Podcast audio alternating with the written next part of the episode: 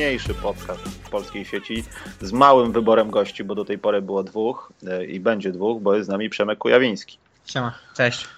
E, Przemek, powiedz mi e, po pierwsze, czy ty oglądasz igrzyska na zasadzie koszykówka, czy oglądasz igrzyska na zasadzie oglądam igrzyska? Do tej pory widziałem kolarstwo i koszykówkę. Dlaczego kolarstwo? No bo jechał Rafał Majka akurat i... A, czyli Polacy bardziej. Dowiedziałem się, że dwóch gości się wyrżnęło i stwierdziłem, że popatrzę, czy dojedzie. Nie dojechał, trochę czuję się winny, bo to być może jakbym nie zobaczył, to by dojechał do mety ze złotym medalem. Ale żałuję trochę, w sensie nie mam tak dużo czasu teraz, żeby oglądać igrzyska, bardzo żałuję. Kiedyś oglądałem absolutnie wszystko na igrzyskach, nawet strzelectwo, nawet no strzelanie do rzutek. Uwielbiałem zawody kajakowe, kajakarstwo górskie, tego typu rzeczy. A w ogóle masa takich dyscyplin, których nie ma na co dzień i nawet gdyby były, nie wiem, w jakimś pakiecie telewizyjnym, nikt by na to nie zwrócił uwagi. A tu się dzieją takie rzeczy, że ta chyba, nie wiem, zbieranina wszystkich sportów powoduje, że chcesz albo chciałbyś przynajmniej obejrzeć coś takiego niestandardowego, jak, nie wiem, skoki zwierzy do wody. Zawsze mi się to mhm. podobało. No, dokładnie, dokładnie, dokładnie o to chodzi. Skoki zwierzy były świetne, też dlatego, że miałem taką grę na Commodore 64, które były skoki do wody i, e, i zawsze mi się to dobrze kojarzyło. E, ale to jest właśnie fantastyczne, bo, bo jest dużo takich sportowców, których, których, znam tylko i wyłącznie z igrzysk, nie znam ich w ogóle spoza, spoza tego świata.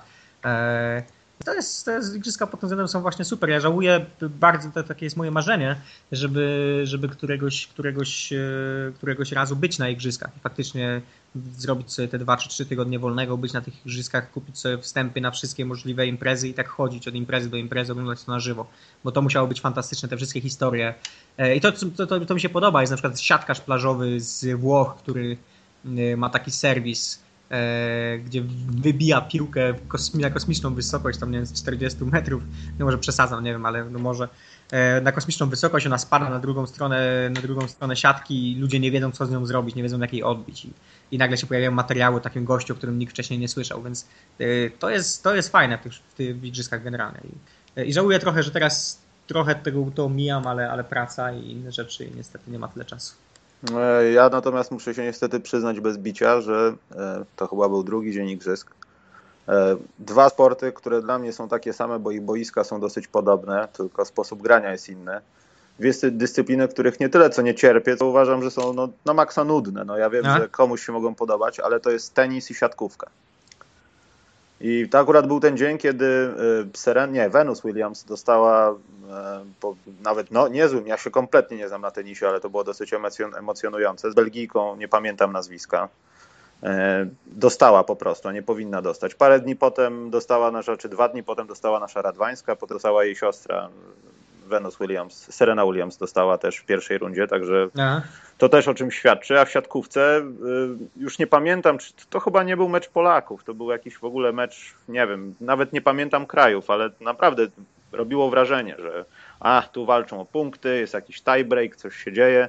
Także taki duch współzawodnictwa bardziej zadziałał, ale naprawdę było ciekawie, ale potem już z czasem bardziej patrzyłem na jakieś takie historie które no niestety, Rio, moim zdaniem igrzyska w Rio powinny mieć jakiś taki nickname, fuck up, czy coś takiego. Bo tak, tam, dlaczego?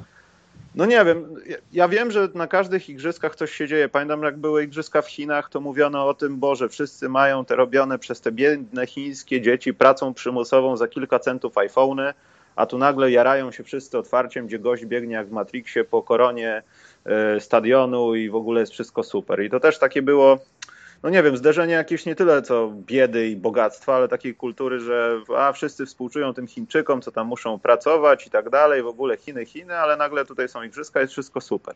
No nie wiem, słyszałeś o basenie w Rio? Tak, słyszałem, słyszałem, ale mi się to właśnie podoba, że są te takie E, to takie małe historyjki, że nagle świat patrzy w jedną stronę, w jedno miasto i tam dzieją się różne rzeczy ciekawsze, mniej ciekawe, e, dzieją się historie i to, nie wiem, to jest, to jest dla mnie coś ciekawego. Czy, czy, czy właśnie ten basen... Czy, bakterie są ciekawe? No nie wiem. O, były algi, tak? Algi czy bakterie? Tak, chyba tak, bo ja nie sądzę, żeby to nagle jakaś tajemnicza choroba zaatakowała basen albo ktoś się zsikał i zareagowało na zielono, nie? Ale no wiesz, to... ale takie, takie małe rzeczy.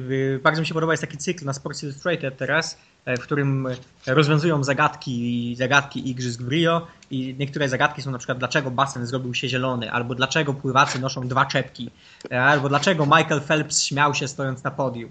I odpowiadają takie pytania i to jest coś, co Yy, to jest fajne, w sensie ja, ja bardzo lubię właśnie takie, tego typu historie, to jest, to jest, to jest super.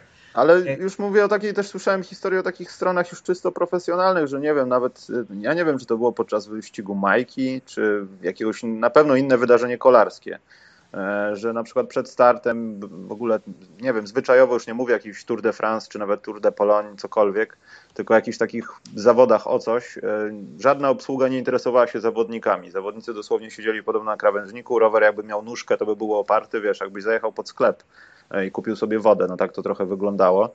Poza tym e, kwestie jakieś tam ogarnięciowe, jakieś kłopoty z kwaterunkami, już pomijam warunki, w jakich mieszkają niektóre reprezentacje, minus reprezentacja USA, która dryfuje gdzieś tam. No jeśli robić igrzyska, to wiadomo, że tam są duże pieniądze i wszystko jedno, czy kraj jest przygotowany na to, czy tak jak Rosja z zimową olimpiadą e, w Soczi po prostu nie stwierdziła, dobra, wydajemy wszystkie pieniądze w dwa tygodnie, zróbmy coś, a potem świat o tym zapomni, bo tak jest przeważnie po Aha. igrzyskach. E, myślałem, że Rio jakoś bardziej się postara, ale z drugiej strony, no, tam jest też za, za dużo jakichś takich rzeczy jak, nie wiem, fawele i tak dalej, bieda, jakieś dziwne historie, czy znaczy dziwne, no, normalne historie w takich krajach Myślałem, że bardziej będzie to przynajmniej zakamuflowane w jakiś sposób. Mm. A tutaj naprawdę boję się, że im będzie bliżej końca, tym będzie więcej jakichś takich dziwnych historii. No. no ja już pomijam będzie, ale... rzeczy, które są zgotowane przez zawodników i przez reprezentację, ale jakieś takie no, organizacyjne sprawy. No. Ale to może, może jest urok tego wszystkiego. Na przykład, nie wiem, bardzo mi się podobały te zdjęcia mafy Delavedowy w tym takim pokoiku swoim olimpijskim. E, ja jakbym był sportowcem, nawet, no nie wiem, nigdy nie byłem milionerem, no ale nigdy nie byłem LeBronem Jamesem, ale, ale jakbym, wydaje mi się, że, że, że właśnie na igrzyskach bym chciał tego, bym chciał tego, e, tego klimatu, że, że jesteś znowu sportowcem, tak jakbyś znowu był kadetem czy jakimś juniorem i, i znowu jedziesz na jakiś, e, na jakiś e, turniej, nie wiem, do miasta obok, jeśli jesteś z mojego miasteczka, nie wiem, ja jestem z Nowej Soli, jeździłem na turnieje piłki ręcznej do Głogowa i to była taka wielka wyprawa, wsiadało się w busika, wszyscy tym busem jechali, potem spaliśmy w nocy w jakimś szemranym miejscu, na jakiejś hali gimnastycznej w pokojach u siedem osób e, i to było super, i to było fajne i, i, i myślę, że dla takich sportowców e, pewnie jest to takie fajne przeżycie, że są razem w tej wiosce olimpijskiej, no, chyba, że jesteś koszykarzem NBA, który śpi tak. na, na, na, statku, tak? No to, to jest trochę Ale to też jest historia. Co ciekawe, czy to ufundował i Związek Olimpijski, czy po prostu stwierdzili, ej, dajmy tam po pół procent swojej garzy, bo przecież i tak nas stać, bo wysypano pieniędzmi w NBA i wynajmijmy sobie coś fajnego, tylko nie mówmy Butlerowi. No oni nigdy nie spali, oni nigdy nie spali w ogóle w tym w historii swoich na igrzyskach chyba w wiosce olimpijskiej, nie wiem, może ktoś mi poprawi, ale ale to od Barcelony, od czasu jak te Dream Teamy, Dream Teamy przyjeżdżają do, na igrzyska, to nie było chyba takiej sytuacji, żeby faktycznie Dream Team spał, e, spał w wiosce, wiosce olimpijskiej, zawsze gdzieś byli odgradzani. E, ale widzisz, moim zdaniem byli wcześniej odgradzani, wiadomo, przez nazwiska, które wszystko jedno, czy tam jest Michael Jordan, czy LeBron James, czy nawet, nie wiem, dajmy na to teraz DeMarcus Cousins, według Vlade Divacza to jest największa siła na świecie, Aha. cokolwiek. E, prawdopodobnie w żartach głównie. Teraz jest to moim zdaniem spowodowane tym, i to jest taka czysta po prostu ocena, że właściciele nie chcą, żeby któryś z nich zachorował na jakąś dziwną chorobę, albo żeby, nie wiem, coś stało mu się dziwnego. To już nie chodzi o to, że będą fotoreporterzy i będą zdjęcia, bo myślę, że na tych igrzyskach akurat by aż tak nie było, byliby tam no, rozpoznawani właśnie, i tak dalej. Właśnie o tym chciałem powiedzieć, że chyba są większe gwiazdy na tych igrzyskach niż Kevin Durant. W sensie, no tak. Kevin Durant jest chyba największą gwiazdą reprezentacji Stanów Zjednoczonych, ale czy Kevin Durant jest większą gwiazdą światowego sportu niż Michael Phelps albo niż Usain Bolt? Chyba nie, nie sądzę. No, jeśli ma, nie. Michael Phelps zdobył więcej w ogóle złotych medali, w jakichkolwiek medali, co większość krajów w historii igrzysk. No, ma pewnie e... więcej złotych, ma więcej złotych medali na igrzyskach niż reprezentacja USA na igrzyskach, więc... No, e... także sorry, no tutaj, tutaj to akurat nie ma dyskusji. Ale nawet, jest... nawet Serena Williams, nawet do tych sportowców bardziej sławnych niż Kevin Durant na tych igrzyskach jest mnóstwo, więc to raczej Kevin Durant by sobie robił zdjęcia z innymi sportowcami chyba, nie? No, prawdopodobnie, ale też mi się tak wydaje, że oglądałem Australia-USA wczoraj i po raz kolejny, tylko to jest też dyskusja. Nie ma LeBrona Jamesa, nie ma Stefa Karego, nie ma, nie wiem, Lenarda, kogokolwiek jeszcze byśmy sobie nie zażyczyli. Chrisa Pola, cokolwiek, to ja wyda wydaje mi się, że koszykówka jeszcze bardziej dogoniła Amerykę w tym momencie. Że wiemy mm. o tym, że jeszcze jest u zanadrzu gdzieś tam Team Kanady, który na następnych igrzyskach, jeśli spotka, spotka się Australia w takim składzie albo nawet w lepszym i Kanada i USA, i nawet przyjedzie LeBron James, nie mo możemy być do końca pewni blowoutu 20-punktowego. A za 4 lata to LeBron James akurat nie przyjedzie pewnie, ale... Może przyjedzie tam, wiesz, żeby zakończyć karierę i tak będzie w stanie zmucić połowę, wiesz, świata, jak nie 3 czwarte. Ale, ale coś tym jest, ja bym wrócił w ogóle do tego tematu, yy, że, że gwiazdy Stanów Zjednoczonych w koszykówce nie są wielkimi gwiazdami na tych igrzyskach tak naprawdę. Tak. Tak. E, no bo żeby były, naj... no, musiałby przyjechać LeBron James bądź Kobe Bryant, to być może Steph Curry, wszystko. No nie ma w tej chwili w NBA takich, no kiedy przyjeżdżał Dream Team ten oryginalny, no to, to był szał, bo, bo, bo był Magic Johnson, był Larry Bird, był Michael Jordan, był Charles Barkley. E, I teraz ci koszykarze nie są aż tacy popularni. To jest chyba, chyba coś, coś, coś, coś spowszedniało, bo tak, wtedy, no, Dream Team wreszcie przyjechał zawodowy skład, wreszcie możemy rozwinąć skrzydła i tak dalej, i tak dalej. A teraz, no to kurczę, no mieliśmy naj, najlepszy od wielu, wielu, wielu, wielu lat, nie wiem, o ile nie jakiś top 5 w historii, sezon NBA z drużyną, która zdominowała sezon i rozegrała świetne finały, przegrywając w siedmiu meczach z jeszcze bardziej świetną drużyną, jeszcze bardziej świetnym człowiekiem. Mm. I gdyby to się stało, powiedzmy, za czasów Barcelony, to prawdopodobnie wynaleziono by szybko stały internet bardzo, bardzo szybko, żeby wszyscy to zobaczyli, żeby wszyscy mogli w tym jakoś nasiąknąć. A tutaj Aha. teraz a no fajnie, tam 73-9, świetne finały, no historyczne wyniki, ale no tam zagrali sobie. Z Wenezuelą w pierwszej kwarcie był remis, także. I chyba nikt się jakoś szczególnie nie zdziwił, że Australia y, była tak blisko. W sensie, nie, tak obserwowałem ten mecz, yy, czytałem na Twitterze opinię, nie widziałem jakiegoś takiego poruszenia wśród amerykańskich dziennikarzy, łoho, co się stało, to jest niesamowite, że yy, już chyba nie ma takiego szoku, że nagle świat, wiadomo, że, że, że Stany znowu odjechały trochę temu światu po, po, po no, po tym kryzysie e, w poprzedniej dekadzie. E, ale mimo wszystko nie ma takiego szoku, że ktoś może grać z Amerykanami jak równy z równym. To jest chyba coś, coś, coś takiego zauważalnego tutaj. Tylko czy to jest kwestia wymienial, wymienialności zawodników, w sensie, że Dario Sarice i inne Delewadowe grają po prostu w NBA. W NBA, no tak. No. I przynajmniej no nie tyle co nasiąknęli, co wiedzą o co chodzi, są na tym nie samym poziomie i nie boją się, a poza tym mają to na co dzień, grają ze sobą praktycznie na co dzień i dla nich to nie jest jakiś wielki wyczyn. Wiadomo, no, koledzy z drużyny muszą odpowiadać, musi być zespół, ale to, co, mhm. się nie, to, co robił Bogut, to ja myślę, że on nie był świadomy nawet tego, że on gra w kadrze swojego kraju, tylko po prostu to jest kolejny mecz z przeciwnikiem z wysokiej półki i o, ja grałem z tym gościem w finałach, to już wiem, co mam zrobić, wiesz. To myślę, że już jest tak blisko, że niedługo naprawdę nie będzie wielkim szokerem, kiedy kadra Stanów będzie, nie wiem, walczyła od pierwszego meczu o to, żeby przynajmniej wyjść z twarzą ze spotkania, czyli powiedzmy wygrać dziesięcioma punktami, a nie powiedzmy dwoma mhm. posiadaniami czy jednym. E, bo jeśli Wenezuela potrafi być competitive, no to sorry. No. Amerykański trener tego nie zrobił, to zrobili zawodnicy. Znaczy ja myślę, że dojdzie taki moment po prostu, że bo to, to jest coś, co ja obserwuję od 2000 już chyba 8 roku, że Amerykanie jednak opierają się. Mike Krzyżewski nie ma ambicji, żeby, żeby mieć powód, żeby, żeby układać ten zespół bardziej jako zespół. E, bardziej zakłada, że agresywna obrona kontrataki, trójki wygrają każdy mecz Amerykanów i ma rację do tej pory oczywiście, więc nie ma go za co winić, ale jest to irytujące. Było irytujące w tym meczu, pamiętam takie mecze jeszcze w 2012 roku, e, kiedy Amerykanie w momencie, kiedy mieli, mieli słabsze momenty, e, nie wiedzieli do końca co robić, w sensie to była cały czas gra jeden na jeden, nie było tam nie było pomysłu na tę grę, nie, jakby Amerykanie nie grają żadnym systemem. I oczywiście można tłumaczyć to tym, że no, spotykają się jednak bardzo rzadko, E, i nie mają możliwości, żeby grać częściej, no ale, ale nawet jakieś tam dwójkowe zagrania, czy nawet jakieś, e, jakieś, jakiś pick and roll z pomysłem rozegrany, to, to się tam jakoś specjalnie nie zdarza. Jest, jest bardzo mało zasłon gdzieś tam u dołu. E, jest raczej kozioł, kozioł, rzut, podanie, rzut, podanie, wszystko. I, I to jest trochę irytujące i myślę, że naprawdę pomyślę sobie, że świat dogonił Stany, kiedy przyjdzie taki moment, że trener Stanów Zjednoczonych będzie tłukł zagrywki do głów swoim graczom na obozie przygotowawczym, żeby być gotowym na tę chwilę.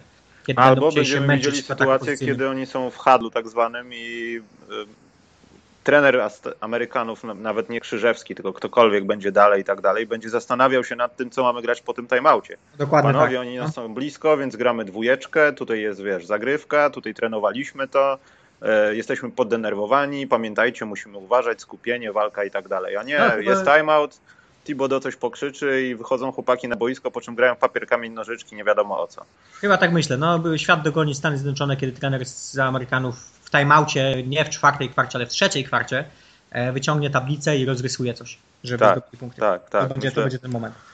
Tylko, że czy tak naprawdę nastąpi ten moment, ja wątpię, bo jeśli trafi, trafi się, trafią się igrzyska, kiedy trzeba będzie walczyć i nie daj Boże LeBron James będzie chciał przypomnieć swoje, lata młodości, albo ktokolwiek będzie wtedy na topie, już wszystko jedno, ktokolwiek, to to będzie oznaczało, że, że po prostu gadamy głupoty, bo oni nie dadzą się nigdy dogonić.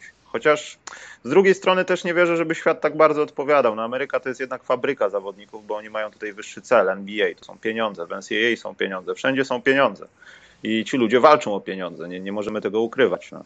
To. Poczekajmy, poczekajmy na Kanary, no widzisz co się dzieje. Kto wie, czy, czy Kanada nie będzie następną wylęgarnią takich talentów, bo no... ci Kanadyjczycy jednak mają blisko do, tego, do tej wylęgarni w Stanach, więc... Jasne, jasne. Przede wszystkim oni są praktycznie w jednej tej samej wylęgarni, tylko kwestia tego, kto ma jaki paszport i kto, kto po prostu zadecyduje się grać dla tej kadry, czy nie pójdzie w drugą stronę. Mm. Bo też takie rzeczy się zdarzały. E, Przemek, skoro jesteśmy w temacie igrzysk, nie przerabiajmy już koszykówki, bo. A, jedną rzecz chciałem tylko powiedzieć, takie ostrzegawcze, jeśli ktoś, nie wiem, ktoś gra w zakłady i tak dalej, bardzo jest zastanawiające dla niego to, że Australia tak bardzo walczyła i co będzie dalej.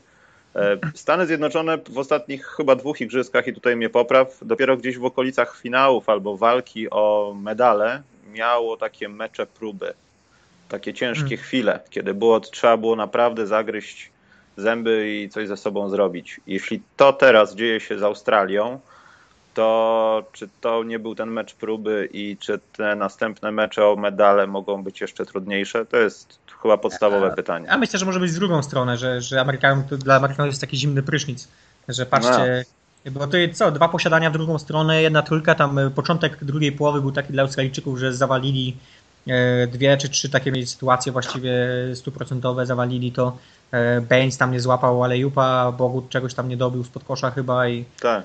E, i to mogło pójść w obie strony, także hmm. No ale przede wszystkim y, oni chyba grają Moltenem, tak? Na igrzyskach. E, chyba tak, nie jestem pewny. E, takie piłki te lakier, lakierowane Moltenu, ja wiem, że to jest wymówka złej baletnicy, ale jeśli one są nowe, jeśli jesteś nieprzyzwyczajony, bo całe życie grałeś z Paldingiem, E, LeBron James może zejść na pozycję gościa, który dostaje minimum weterana, przynajmniej jeśli chodzi o rzuty z gry, bo ciężko jest się przyzwyczaić, aczkolwiek zakładam, że kadra Stanów musiała grać tymi piłkami przed, wcześniej, żeby się przyzwyczaić, przynajmniej tak powinno się zrobić, tak? No, tak bo naprawdę różnica jest spora i to jest tylko takie gadanie, ale taki molten halowy, że tak powiem, e, to jest no trochę inna sytuacja, jeśli chodzi o chwyt. Wiem, że to są jakieś takie różnice mniejsze, większe, ale naprawdę, jeśli masz codziennie przez 20 lat kontakt i raz na 3 miesiące masz kontakt z inną, to może sprawiać problemy. I to było widać, jakieś podania, piłka wypada z rąk, problemy z chwytem. Takie rzeczy były zauważalne moim zdaniem już na tym turnieju. Mm, I może Molten ich e, urządzi. Chociaż z drugiej strony nie sądzę to jest zła wymówka. Ale czytałem już takie kwestie, że, bo wiesz Przemek teraz, że no. bańki są modne. Tak, tak, widziałem. Widzisz, to jest jedna, znów jedna z tych takich fajnych, ciekawych historii. No. Dla mnie to jest ciekawa historia, bo moja mama do dzisiaj całemu osiedlu stawia bańki. Kurczę. E, moja mama jest specjalistką od stawiania bańek, zawsze mnie, zawsze mnie zastanawiało, o co chodzi z tymi bańkami, bo ja jak byłem chory i byłem mały, to też było obowiązkowe. Syrop z cebuli i stawianie baniek i nie znosiłem no. tego. E, ale widać byłem przed, przed Michaelem Phelpsem jeszcze.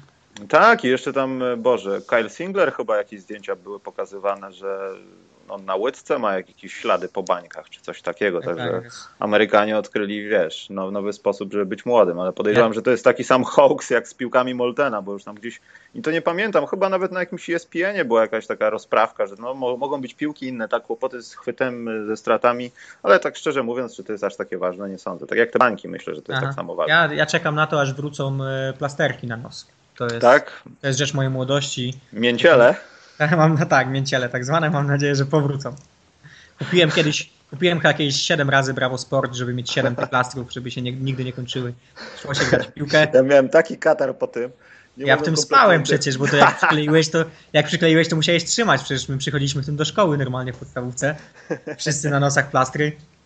Twarze nieumyte, bo ja, czy, czy, czy, wiesz, czy w ogóle jest wyjaśnienie tej historii? Bo mi się wydaje, że to, to było coś w tym deseń, że, że ktoś, jak któryś z piłkarzy po prostu gdzieś sobie rozwalił nosz i miał plaster i się zrobiła Nie, wiesz woda, co, czy... nie, bo, bo y, myśmy kiedyś to tam u nas na osiedlu bardzo się tam włączyli w tą sytuację, w sensie o co chodzi z tym wszystkim i parę osób kupiło to Bravo Sport chyba tylko Aha. po to, e, żeby przeciąć ten plaster.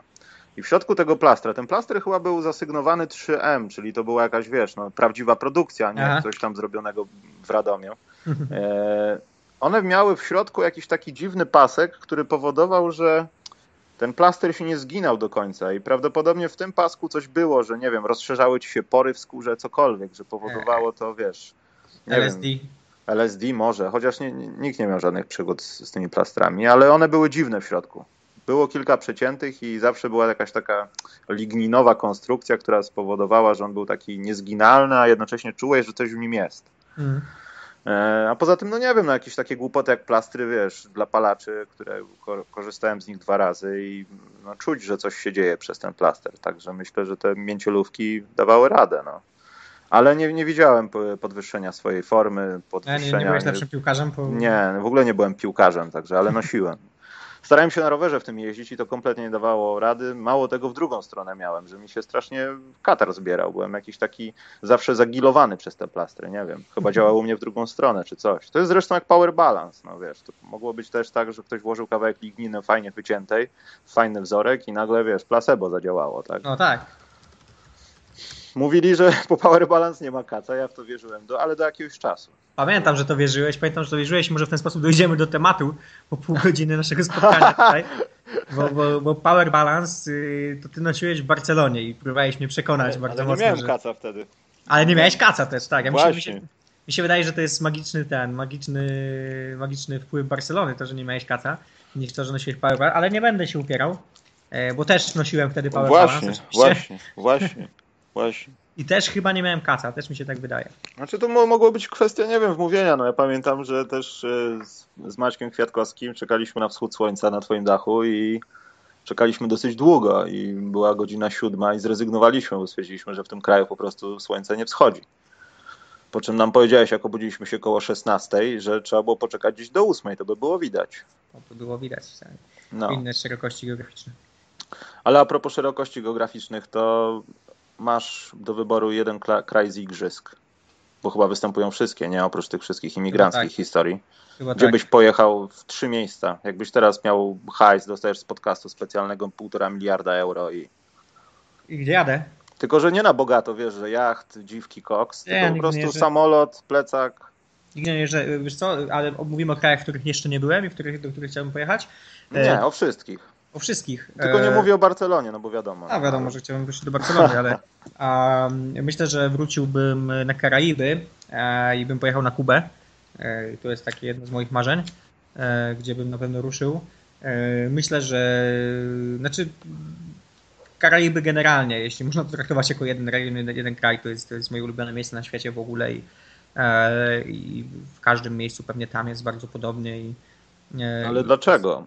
Yy, Wiesz co, Karaiby są takie jak, jak teledysków, yy, które oglądasz gdzieś na MTV, yy, gdzie, gdzie jest jakieś tam reggae czy pseudo-reggae i to, to właśnie tak jest. Ja miałem okazję spędzić trochę czasu na Jamajce i Jamajka jest, jest, jest wprost, wprost z telewizji, wprost z teledysku, nawet bardziej, jest, jest jeszcze bardziej przerysowane, w sensie jeśli wyobrażacie sobie Rastafarianina z jointem, który siedzi gdzieś pod budką, to, to właśnie to się tam dzieje dokładnie. E, mimo, że tych Rastafarianów wcale nie ma tam tak dużo, to jest y, tam parę procent społeczeństwa, e, to jednak, jednak to widać. Ten ś- świat jest troszeczkę spowolniony tam, e, trzeba to powiedzieć. I to reggae jest wszędzie. W sensie wsiadasz w jakikolwiek samochód, w taksówkę, w autobus, cokolwiek, idziesz do sklepu i gra reggae i ci ludzie tańczą, i ci ludzie są uśmiechnięci. Mimo, że nikt nie ma nic do jedzenia, jest, jest bardzo biednie. I, ale, ale przeżyjesz, bo jest ciepło, jedzenie leży na ulicach. Nie zapomnę, gdyby przeszliśmy sobie przez dżunglę na dżunglę, właściwie las na Jamajce e, z takim gościem, e, naszym przewodnikiem powiedzmy, który tam został nam polecony e, i chcieliśmy, przechodzimy koło jakiejś takiej wioski w środku lasu i chcieliśmy kupić wodę i wchodzimy, prosimy o wodę, a gość się z nas śmieje, że, że jak to woda, nie? I się okazało, że nie ma wody w sklepie. No i w tym momencie gość podnosi z ziemi kokosa, robi mi wielką dziurę i mówi macie. I, i tak to właśnie wygląda. Czyli jesteś głodny, to bierzesz banana, jesz i masz. Tak to właśnie wygląda. Dlatego Karaiby, a że na Kubie jeszcze nie byłem i, i myślę, że na Kubę trzeba jechać, dopóki, e, dopóki jeszcze, jeszcze Kuba jest troszeczkę e, autentyczna. Może to zabrzmi w ogóle okrutnie w stosunku do mieszkańców Kuby, którzy pewnie nie są z tego powodu szczęśliwi, że, e, że Kuba jest jeszcze autentyczna. Um, Ale to mało zajmie, króciutko. Myślę, że nie więcej niż 5 lat i to będzie jeden z tych kolejnych krajów, tak, do których jeździsz kraj, na kurort. wakacje i ktoś jest latynoski, że tak powiem. Tak, i to będzie kurort i tak dalej. Eee, część Jamajki też taka jest, natomiast jest też bardzo duża część Jamajki, która jest, jest bardzo autentyczna i e, też bardzo polecam. Więc Biegają pewno... wszyscy w pumach na Jamajce? Nie, ale ludzie biegają i to jest fascynujące. Nie zapomnę, byłem, e, byłem na Jamajce na, z takim poznanym tam gościem na, na obiedzie w jakiejś knajpie i akurat w telewizji leciały mistrzostwa młodzieżowe, czy tam mistrzostwa szkół, szkół średnich na Jamajce w lekkiej atletyce. I to było fascynujące, bo, bo e, mistrzostwa szkół średnich były transmitowane przez telewizję publiczną na Jamajce.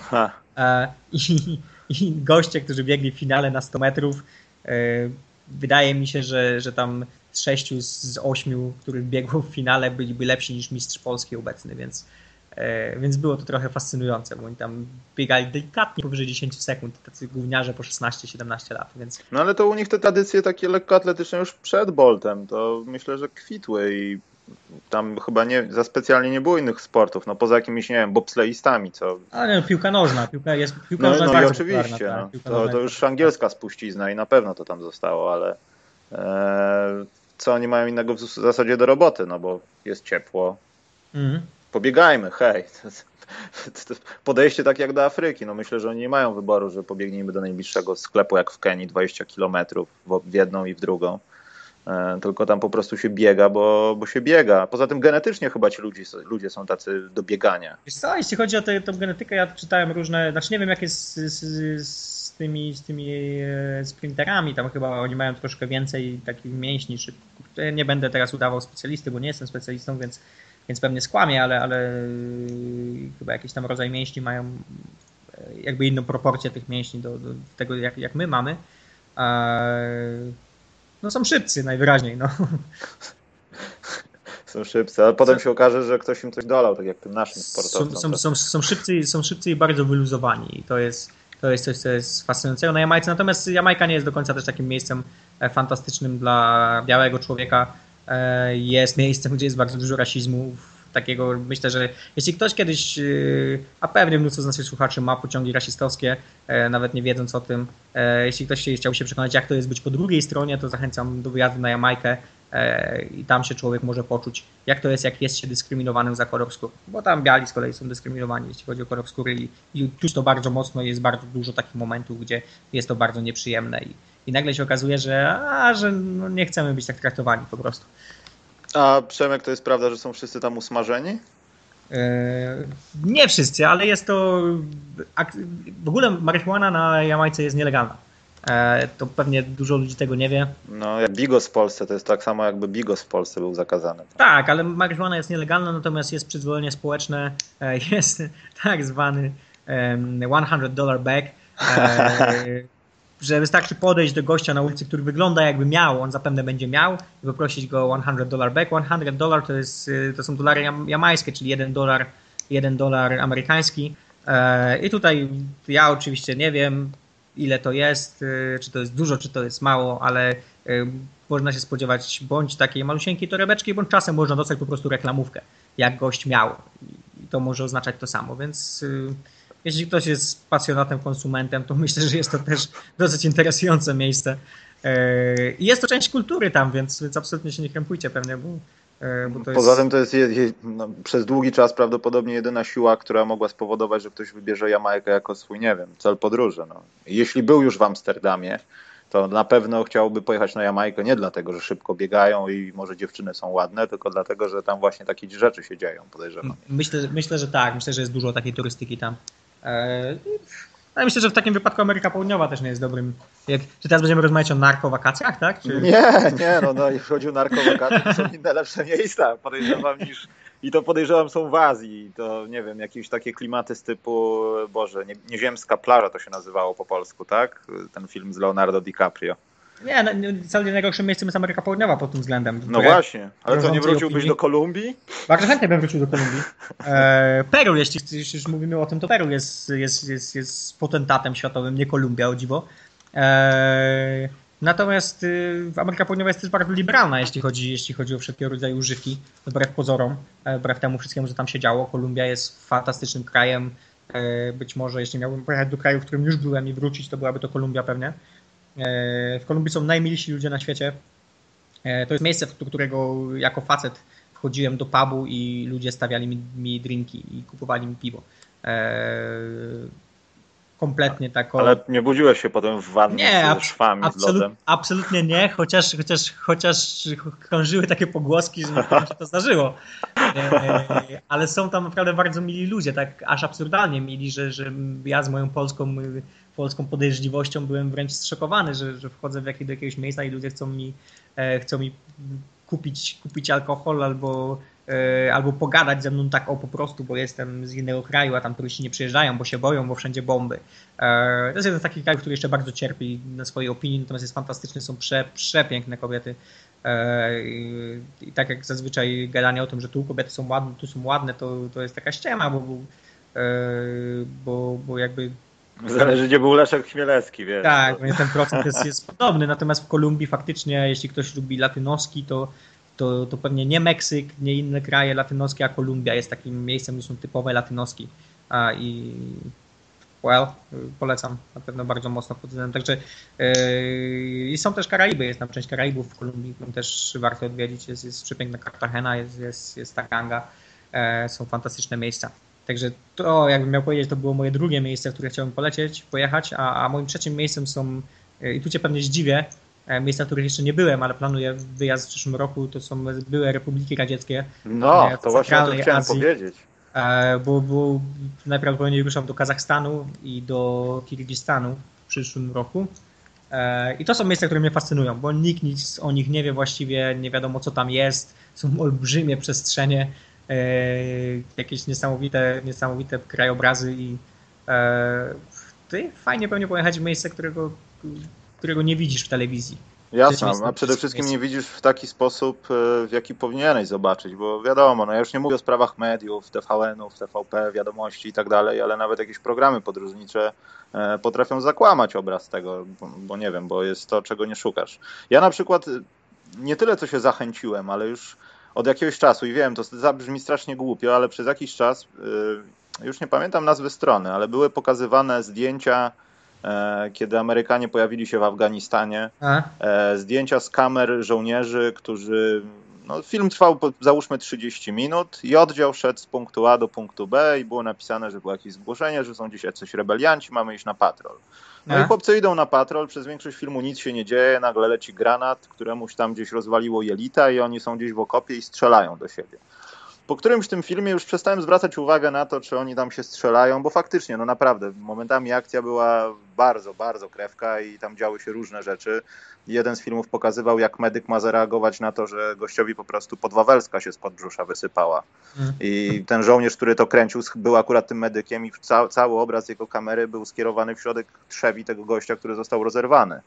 E, i te odgłosy strzałów, no masakra. Natomiast kiedy się rozejrzeć, już zacząłem to robić, e, patrzeć na okoliczności przyrody, że tak powiem, stwierdziłem, że gdyby nie ta wojna, Afganistan byłby naprawdę w top 3 miejsc, które chciałbym zwiedzić.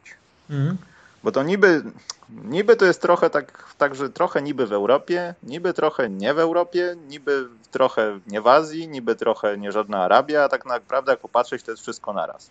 Aha taka powiedzmy Utah, tylko bardziej taka pustynna. To jest, to jest dokładnie coś, co mnie tam, to mnie tam ciągnie bardzo mocno w tamte rejony. Właśnie i Kirgistan, i, Uzbekistan, i, e, i Tadżykistan. Tak, a e, jeśli o tym mówisz, jest gość i tutaj no nie chcę reklamować za bardzo, ale oglądam i niestety moim zdaniem zszedł trochę ze swojego poziomu, bo za bardzo teraz podchodzi do tego tak powiedzmy pseudoprofesjonalnie i to mi się nie podoba.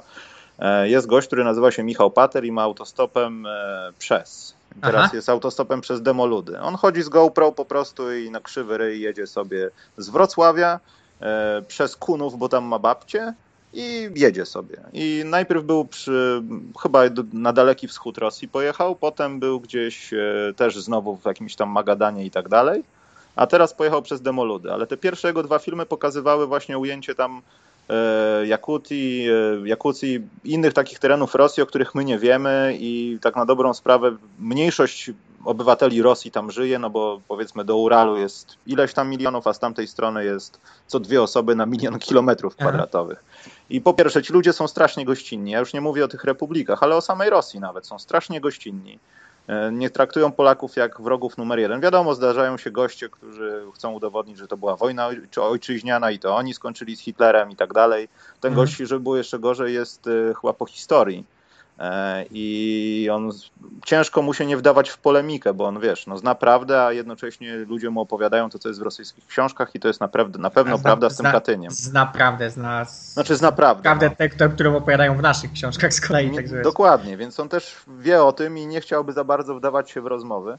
E, ale są pokazane jakieś takie, nie wiem, proste miejsca, że nie wiem, on czeka na samochód gdzieś w Kirgistanie, w Kazachstanie, jedzie łada wyładowana chłopakami, którzy bardziej wyglądają jak Chińczycy niż e, Kaukazi i patrzą na niego i mówią do niego, że on Polak. No i Nie. zaczyna się melanż. No jest tradycyjne hasło zabuchajet, wiesz, i kończy się nagranie. Ale to pokazuje jednocześnie, że po pierwsze, no nie wiemy, nie mamy bladego pojęcia, co się tam dzieje. Dla nas to jest tylko nazwa byłej Republiki Radzieckiej, Aha. która prawdopodobnie dla nas jest jak z Rosji, bo to wszystko jest tak samo. A jednocześnie to są kraje, które nie pasują w ogóle do tamtej reszty świata. W sensie bliżej im jest, nie wiem, jakiegoś Bliskiego Wschodu niż Euroazji. No właśnie to jest wszystko gdzieś pomiędzy i to, a najbardziej no. mnie fascynuje to, że to jest olbrzymia przestrzeń. Tam jest naprawdę. Planuję teraz trochę ten, ten wyjazd właśnie do Kazachstanu i, e, i tak myślałem, że zobaczę trochę więcej, ale już czegoś się nauczyłem z, tego, z tych kilku lat mojego podróżowania, że, że nie należy nie doceniać odległości, bo, bo to mnie ugryzło w tyłek bardzo mocno w Ameryce Południowej, gdzie myślałem, że zjadę wszystko. Okazało się, że, że taki Ekwador, który wygląda na pipiduwę, to jest właściwie wielkości Polski, więc, więc, więc nagle nie, nie jest to takie łatwe. E, wszystko, a jak spojrzysz na Kazachstan, to Kazachstan jest olbrzymi. E, I potem jakbym chciał pojechać jeszcze Kirgistan, Tadżykistan, Uzbekistan, Turkmenistan, to nie jest to, nie jest to takie proste, jak się wydaje. E, ale a propos, a propos właśnie tego obrazu w ogóle krajów różnych takich dzikich, mniej dzikich, które widzimy gdzieś w telewizji, mnie to bardzo mocno uderzyło w bardzo mocno mnie to uderzyło w Ameryce Południowej właśnie, e, bo nie ukrywam, że, że, że całkiem e, nawet lubię programy Wojciecha Cejrowskiego. Nie jestem fanem jego jako osoby, natomiast wydaje mi się, że jest, e, że, że, że, że, kiedy nie, nie wciska ludziom w gardło swoich poglądów, jest, jest bardzo dobry w tym, co robi, czyli jako, jako właśnie osoba, która podróżuje, która opowiada o pewnych miejscach, ma swój styl, to jest, to jest super ale też zauważyłem właśnie to będąc w miejscach, w których on opisywał, bo oglądałem te jego programy gdzieś tam właśnie z Peru, e, po czym byłem w tych samych miejscach i, i tak widzę, że to nie jest jednak takie podróżowanie do końca to, co on robi, bo... E, on tam jest, co? On tam, po prostu. Wiesz co, nie, to bardziej na takiej zasadzie, że on tam jest, ale, ale on tam wszędzie wynajmuje tych przewodników, on to, to wszystko jest zrobione z takim, e, wiesz, na bogato. No tak, no. To, to, nie jest, to nie jest podróżnictwo i, i potem i, tak też troszeczkę z boku. Ja nie zapomnę takiego programu o Iquitos, to jest taka miejscowość Peru, która jest właściwie odcięta od świata. Tam nie, nie da rady dojechać drogą, można dopłynąć statkiem. E, fantastyczna przygoda z 3 dni bądź 5 dni, jak wam się psuje statek po Amazonce. E, bądź ewentualnie polecieć samolotem, żeby było szybciej. E, I on tam właśnie stał i opowiadał o tym, jakby był w zoo trochę, że taka bieda, że ci ludzie robią to, że robią tamto, jedziesz tam i tam jest normalnie. To, to nie, nie, różni się niczym od, od Radomia tak naprawdę, nie? Hmm. E, czyli jest, jest przyzwoicie. E, po, prostu, po prostu kultura jest inna. Natomiast tak zauważyłem, że jest dużo takich podróżników telewizyjnych, którzy, którzy są w tych krajach i pokazują nam to, jak to dzicz, to w ogóle jest inny świat. I, i jakby miał powiedzieć jeden kraj, ja byłem w 40 paru krajach świata, jakbym miał powiedzieć jeden kraj, który jest naprawdę inny, i naprawdę jest dziki dla mnie, to są Stany Zjednoczone. Nie jest, Polska? Nie, nie, to jest USA. To jest USA, ale też mam specyficzny pewnie pogląd, bo byłem na południu Stanów Zjednoczonych, w Georgii, na Florydzie i to jest dziki kraj. To, to tam nie ma cywilizacji. Ale co, wychodzisz z założenia, znaczy wiesz, ja tam nigdy nie byłem w Stanach, ale patrząc na to, co się dzieje po prostu na przestrzeni, ja nie mówię o sytuacji zewnętrznej, jak Amerykanie wychodzą na świat, ale jak są u siebie, i też chciałem zagaić moim zdaniem o tej bezsensownej decyzji z meczem gwiazd, bo poprawność polityczna swoją drogą, ale kaman, e, że tak naprawdę to jest 50 krajów na jednym kontynencie. Tak, tak, na pewno, w sensie... Yy, to jest bzdura mówię... z tym, że oni są zjednoczonymi Stanami Zjednoczonymi, nie, bo nie, nie, są zjednoczeni komple, znaczy kompletnie. No, to też jest taki, wiesz, obraz większy, ale oni ze sobą najchętniej by nie chcieli niektóre Stany nic wspólnego mieć. Ja, wiesz, mnie bardzo rozbawiło to, że, że w Miami wiesz, nikt nie mówił po angielsku, musiałem rozmawiać z ludźmi po hiszpańsku, nie? I, nie było to w ogóle zdziwienie, że, że próbujesz do kogoś zagadać po angielsku, nikt nie mówi po angielsku.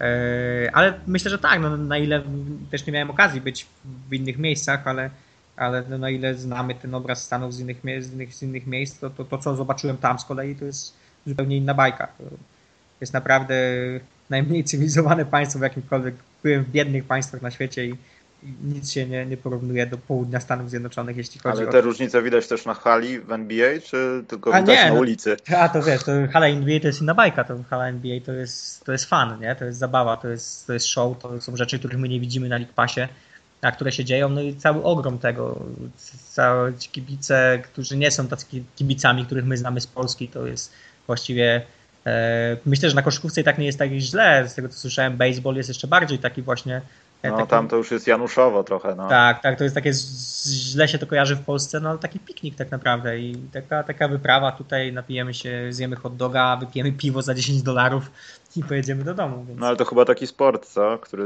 raczej cię zobowiązuje do takiego rodzaju powiedzmy braku aktywności niż... No, chyba, chyba tak, no, ale na, na koszykówce nie było wcale inaczej, nie było dużo inaczej. W sensie, no, ja nie byłem na za dobrych meczach z kolei w Stanach, bo byłem na pewnie dwóch najgorszych meczach, jakie widziałem w życiu akurat. Trafiłeś akurat tak, słabo wtedy. No. Trafiłem, trafiłem totalnie dwa, dwa mecze Atlanty Hawks.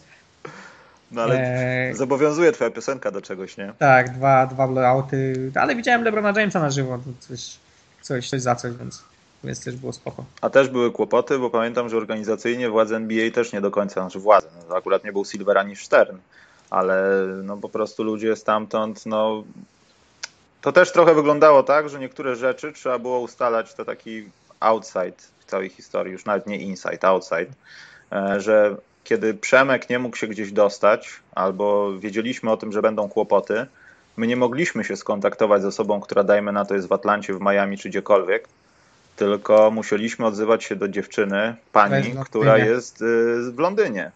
I ta pani w Londynie dopiero uruchamiała swoje jakieś sznurki, żeby to wszystko nastąpiło, i albo rozmawiała z tą osobą, która jest w Stanach.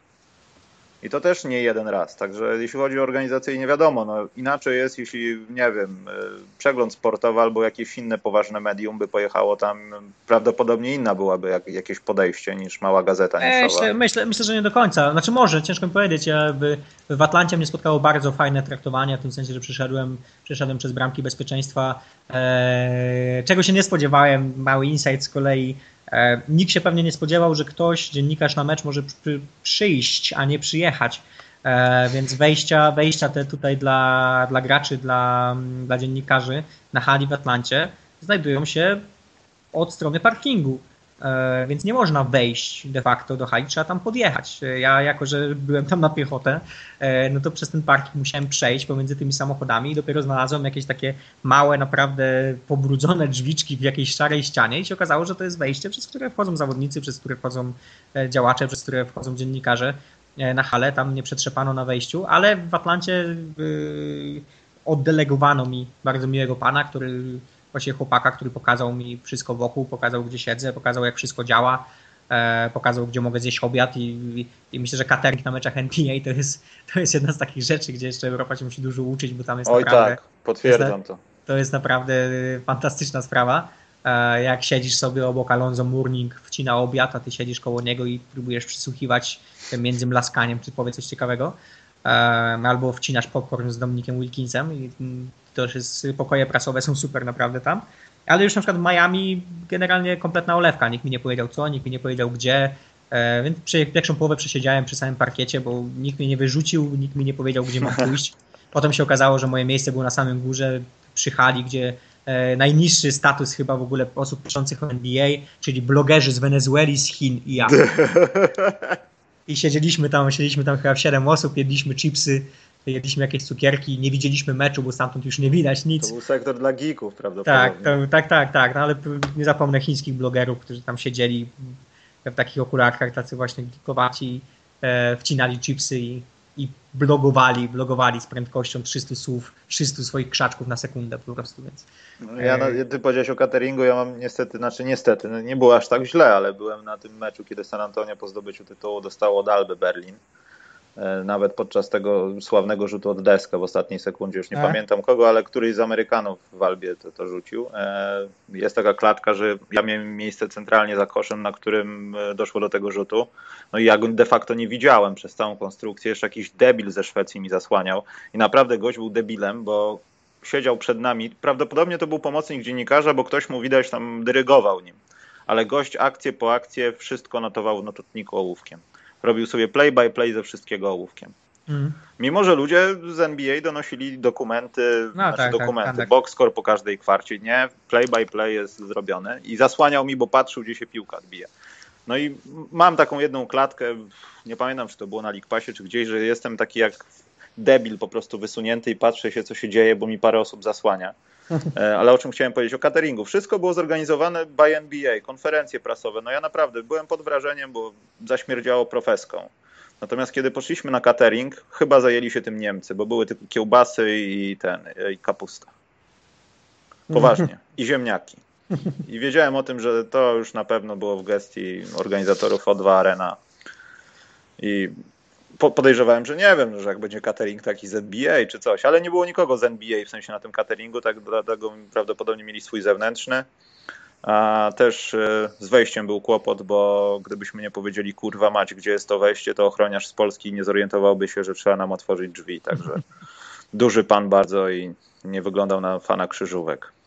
Nie, w Stanach, w Stanach właśnie wszystko było po amerykańsku, czyli było wszystkiego dużo, dużo chipsów, dużo frytek, dużo cukierków, dużo słodyczy, dużo absolutnie wszystkiego i mogłeś brać tego całe, e, całe stosy.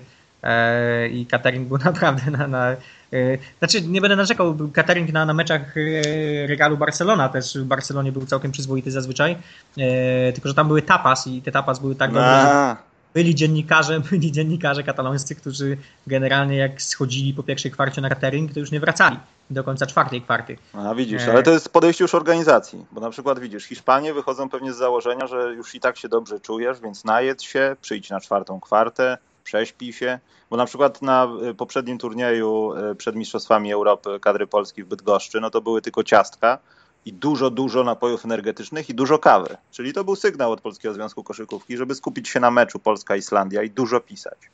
Hmm. Pozdrawiam e, Rafała Tymińskiego, fana Tigerów. To pewnie za jego zasługą parę zgrzewek Tigerów tam było zawsze. E, także no, myślę, że zależy to od organizacji. Dużo zależy to od organizacji. Co chcę osiągnąć przez to. E, dobra, nieważne z cateringami. Ważne jest e, oprócz Uzbekistanów, Kazachstanów i tak dalej. E, Przemek, oglądam dużo tego patera. Uważaj na kobiety tam. One są dosyć ładne i są zaskakująco ładne, także Przemek nie zostanie Azerbejdżańczykiem, Niaminem. To jest, to, jest, to jest ciekawe, bo ja byłem w, półtora miesiąca temu byłem w Gruzji, gdzie kobiety z kolei były zaskakująco nieładne. E, I to było wręcz fascynujące, bo przez tydzień nie doszukaliśmy się tam. Gruzinki, tak? Aż tak? E, a myślę, że to jest bardziej typ urody, która pasuje Polakom, a która nie pasuje. Gruzinki mają bardzo specyficzny typ urody po prostu. E, natomiast sama Gruzja jest fantastyczna i też bardzo, aż myślę, trochę stereotypowa, stereotypowo filmowa, postkomunistyczna, postsowiecka, w tym sensie, że tam nie ma miejsca, do którego byśmy nie weszli, gdzie ktoś nie chciałby z nami pić. I to, to całkiem dosłownie. E, I my wylądowaliśmy tam o 5 rano, o 7 rano udało nam się odjechać marszutką w góry. E, o 9 stanęliśmy na postój, gdzie zjedliśmy jakieś dziwne jedzenie i spotkaliśmy bandę Azerów, którzy mieli całkiem przy okazji baniak bimbru ze sobą. Więc, no tak. Więc, więc o 9 rano, o 9 rano częstowali nas tym bimbrem. Był to dobry pomysł. Dojechaliśmy na 11 w góry, poszliśmy do sklepu e, i w sklepie panowie pierwsze co zaproponowali nam jeszcze po browarku, więc e, generalnie tak to wszędzie wyglądało, także, także to też, też myślę, że takie miejsce, trochę czegoś takiego się spodziewam w tamtych okolicach. Myślę. A widziałeś pomnik? E, nie, nie widziałem pomnika, nie byłem w tych okolicach, byłem, byłem tylko w górach. Ale wiesz o jaki pomnik pytam? Tak, wiem o jaki pomnik pytasz. Natomiast widziałem... E, widziałem... Ale, ale tak poważnie, zauważyłeś jakiś wpływ na to, że wiadomo kto tam był kiedyś, wiadomo co kiedyś powiedział i wiadomo gdzie strzelał snajper, czy raczej zapomnieli o tym, że nasz Nie, nie, super... absolutnie nie. Są ulice Lecha i Marii Kaczyńskiej w Gruzji i mnóstwo Gruzinów wspomina o tym z takim rozrzewnieniem. Kiedy mówisz, że jesteś Polakiem, to oni zaczynają od razu od Kaczyńskiego. Jest tam bardzo dużo takiej wdzięczności dla niego wobec tego, że, że on poparł bardzo mocno Gruzję i, i, i to bardzo, bardzo się odbija na turystach z Polski. Nie sądziłem nigdy, że, że, że powiem, że, że jestem za coś wdzięczny Lechowi Kaczyńskiemu, ale de facto tak, no bo, bo, bo ma tam bardzo dobrą markę, dzięki temu Polacy mają bardzo dobrą markę tam, tam w Gruzji. I też co jest fascynujące, większość Gruzinów E, bardzo kumatych Gruzinów, z którymi, których tam poznałem, z którymi rozmawiałem, jest przekonana, że, że w tym Smoleńsku to jednak Rosjanie nam e, wybili, e, wybili naszą, naszą populację rządzących właśnie z tego powodu, z tej powodu tej sympatii, którą, którą mają dla, dla, dla naszego byłego prezydenta, więc Myślę, że znaczy polscy turyści na tym korzystają bardzo mocno, w tym sensie, że jesteśmy bardzo mile tam przyjmowani. Myślę, że to jeden z takich krajów, jeszcze był taki jeden tylko kraj, gdzie, gdzie Polacy, miałem takie poczucie, że, że E, że Polacy, a ludzie wiedzą, kim są Polacy, gdzie jest Polska, b Polacy są lubiani, to była Bośnia i Hercegowina. Nie wiem dlaczego Bośnia i Hercegowina, ale w Bośni i Hercegowinie też. Myślę, że przez te nasze oddziały, które tam podczas wojny na Bałkanach działały. A to ciekawe właśnie, bo zawsze mnie to zastanawiało, dlaczego tam byliśmy bardzo, bardzo mile przyjmowani, kiedy ludzie słyszeli, że jesteśmy Polakami, nagle były zniżki, nagle jakaś rakija, nagle coś się działo. E, ja nie chcę przekłamać, ciekawe. ale był chyba taki moment podczas ich tej wojny i swoją drogą ta wojna nawet się ciągnie do dziś w niektórych tam momentach. Wiadomo, oni się nie strzelają, nie bombardują i Milosewicz nie, nie chodzi w mundurze ale no tam dalej trwają jakieś takie, nie wiem, przykład tej, tego dziwnego państewka, które powstało, znaczy pseudo-państewka, bo nikt tego nie uznał, bo to jest ziemia niczyja między bodajże Czarnogórą e, a którymś z tych krajów, to się Liberia chyba nazywa. A to...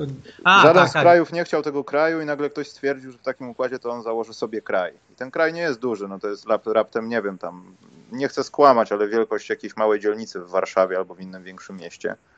E, ma tą jakąś, jakąś swoją liczbę obywateli i starają się od władz w ogóle światowych uzyskać jakieś tam błogosławieństwo na to, żeby dalej starać się o niepodległość. Hmm. E, słuchaj, natomiast taka rzecz, jak byłeś gdzieś, to i wiadomo było, że byłeś Polakiem. Ja nie mówię o Hiszpanii, no bo tam byłeś za długo i wiadomo, że nikt cię nie lubił, bo jesteś z Polski. To gdzie najbardziej nie lubią Polaków, tam gdzie byłeś? Także jakbyś powiedział, nie powiedziałbyś, że jesteś Polakiem.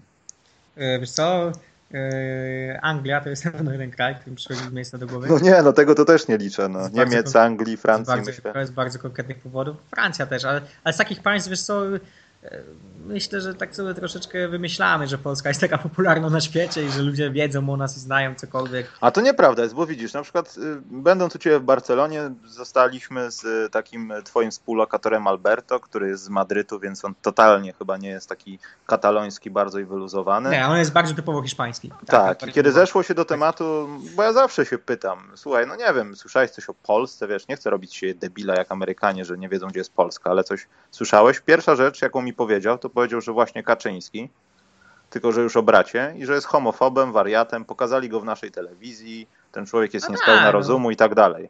I wiesz, i tak kurczę, no Alberto powiedział nawet całkiem w porządku Kaczyński, a to dla Hiszpana chyba nie jest specjalnie za łatwe. Ale to Hiszpanie, wiesz co, w Hiszpanii wiadomo, że taka ciekawostka na przykład dla, dla, osób, które, które kiedyś nie miały okazji być w Katalonii czy w Hiszpanii w ogóle, Katalończycy są przez resztę Hiszpanów nazywani pogardliwie troszeczkę Polakos, czyli Polacy. Katalończycy obracają to w żart i w Katalonii są bardzo popularne programy, e, programy satyryczne. Jeden z nich nazywa się Polonia, drugi się nazywa Krakowia i nawiązujące do tego.